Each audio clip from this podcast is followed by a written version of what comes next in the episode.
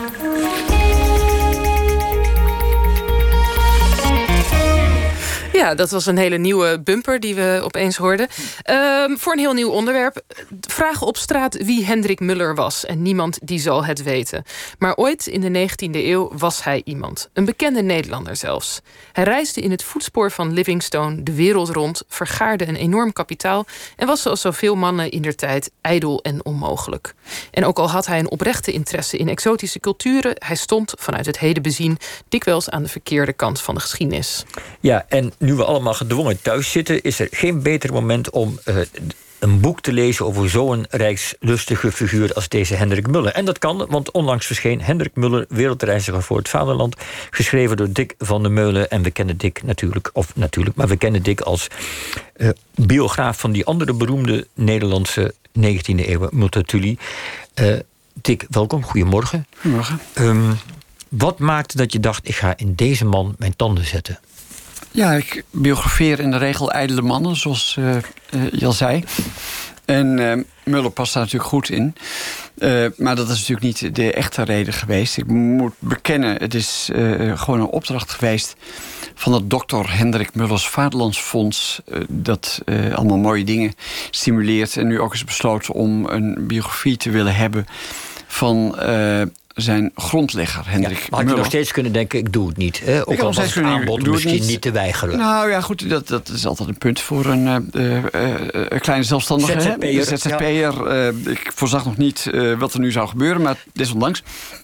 Maar het is natuurlijk ook wel een... het is ook wel, wel eens gek om een man te biograferen... die nou eens een keer niet beroemd is. Dus dat geen Multatuli, geen koning Willem III... Ehm, dus ik heb eigenlijk zonder uh, meer van die man af te weten dan jullie...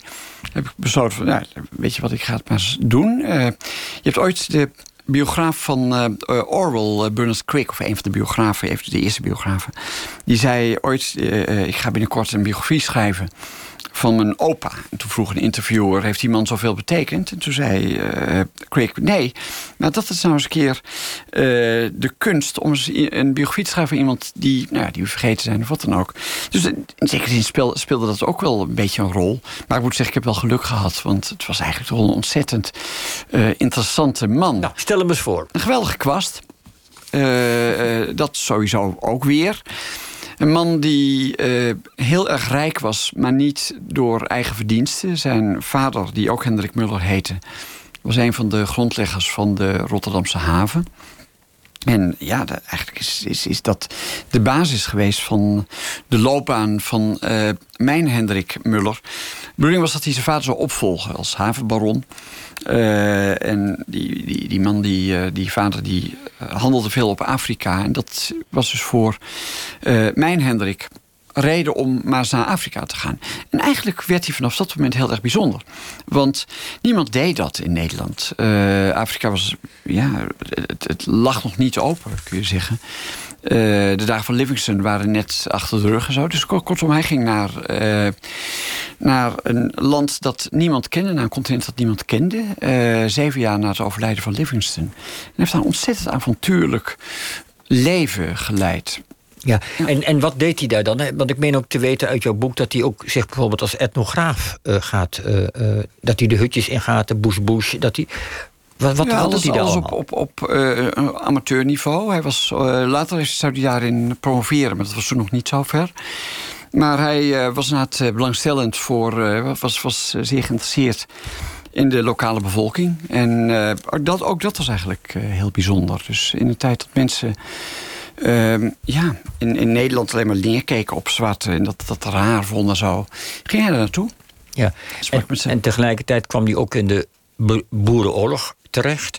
Uh, leg even uit wat die boerenoorlog was, Zuid-Afrika... en um, hoe het met hem zat dan. Ja, die boerenoorlog was natuurlijk uh, later.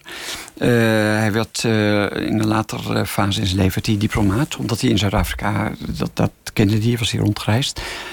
En um, hij raakt in dienst van de Oranje Vrijstaat. En daar is hij uh, Ja, dat was een boerenrepubliek. Dat was een boeren, vechtende ja. boeren tegen de Engelsen. En uh, ja, toen, toen hij daar in dienst raakte, was gewoon niet voorzien dat, dat wat er zou gaan gebeuren. Maar goed, er brak een, er brak een oorlog uit, de Tweede Boerenoorlog.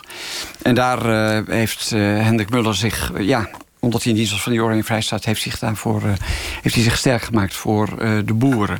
En dat maakte hem ook eigenlijk een, een, beroemd Nederlander. Hij was op dat moment voortdurend in het nieuws. Omdat die boerenoorlog was, was spectaculair eigenlijk. Het was ook een beetje onze oorlog, geloof ik. Ja, toch? Wij, wij zo dachten... voelde Nederland dat. Paul Kruger, de leider van de boeren... werd hier als held onthaald, et cetera. Wij vonden uh, opeens dat het Nederlanders waren. Dat hebben we helemaal niet gevonden. Maar dat kwam door de Eerste Boerenoorlog. Die, die wonnen de boeren. En uh, toen dachten de Nederlanders van... verrek, uh, wij kunnen iets, wij kunnen oorlogen winnen. Dat hadden we... Hadden we nooit meer meegemaakt, al hele tijd gedaan. niet. Nee. Ja. Uh, en...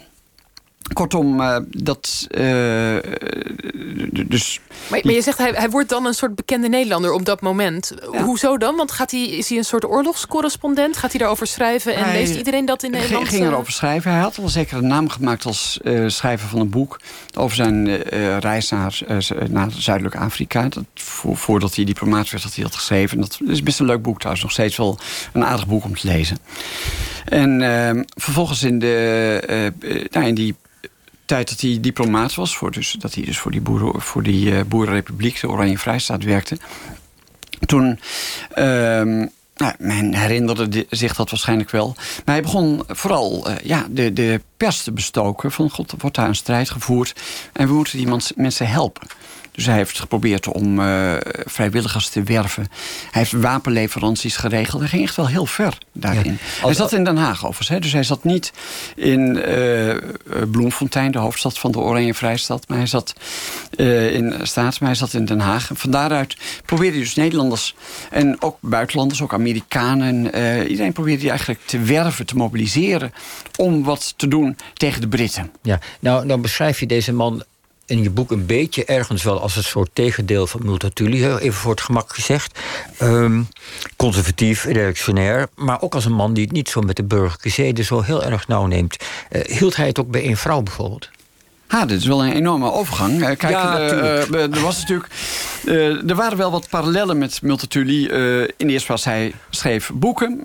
dat kon hij ook wel goed. Tweede was, was hij natuurlijk toch wel op een bepaalde manier idealistisch. Hij was wel bevlogen op een andere manier dan Multatuli. Uh, maar wat hij deelde met Multatuli was dat uh, Multatuli was behalve uh, vooruitstrevend en modern, was hij ook ontzettend re reactionair. En Hendrik Muller was niet erg vooruitstrevend en modern. Behalve dus dat hij met zwarte goed overweg kon en daar belangstelling voor had. Dat was wel bijzonder. Mm, zijn seksuele moraal leek wel een klein beetje weer op die van Multatuli, denk ik. Maar ook helaas voor mij als biograaf, omdat we maar weinig details weten. Kijk, hij ging bijvoorbeeld bij die eerste Afrika-reis... ging die, uh, nou, trok daar rond door, door Zuidelijk Afrika... en daar kwam hij een zwarte vrouw tegen. Dat schrijft hij op in zijn boek. En hij vond die vrouw, die kende die van vroeger... hij vond haar prachtig om te zien... En hij beschrijft hoe die met haar eet en, ze praten met elkaar. En je denkt eigenlijk als lezer, nou ja, dit moet wel leiden tot een, een, mooi samen zijn. Maar dat is niet zo. In het boek staat, ja, uh, toen de avond viel, uh, reed ik van haar weg en ging naar een nederzetting. Stiekem denk ik eigenlijk dat dat uh, voor de buren is. Dat hij dat heeft opgeschreven. Dat in werkelijkheid iets anders gebeurde.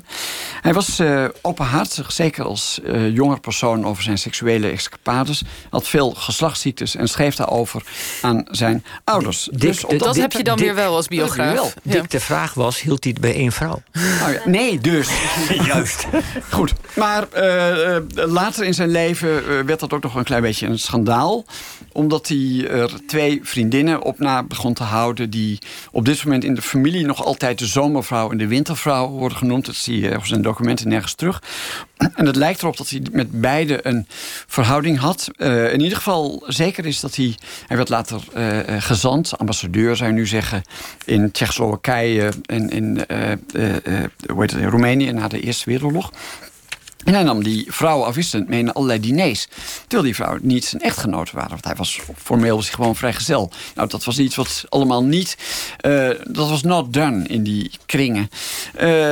Maar wat hij nou precies met die vrouwen uitspookte, weten we niet. Het enige wat we weten is dat toen die vrouwen uh, op een gegeven moment ging, ging Muller dood. En hij had een hoop geld. En die vrouwen erfden dat niet. Dat geld ging naar het Dr. Hendrik Mullers Vaderlandsfonds... wat hij zelf oprichtte. Wat uitermate een nuttig fonds blijkt nu. Uh, wat, wat zeg je? Sorry? het blijkt een goed fonds. Want dat heeft in ieder geval tot deze biografie ja, fonds, Hartstikke leuk. Uh, maar het zegt wel iets over die man zelf natuurlijk. Hè, dat hij dat fonds zelf zo noemde. Ja, zeker. nou, het lijkt mij een prachtige gelegenheid... met al dit binnenzitten om uh, eens over deze... misschien wel dan ten onrechte vergeten... avontuurlijke figuur te lezen. Dick van der Meulen, bedankt voor je komst. Het boek heet dus Dr. Hendrik Muller... Wereldreiziger voor het Vaderland. 1859-1941. En hiermee zijn we aan het eind gekomen van OVT voor deze week. Uh, voor deze paaszondag. Straks de perstribune van Max.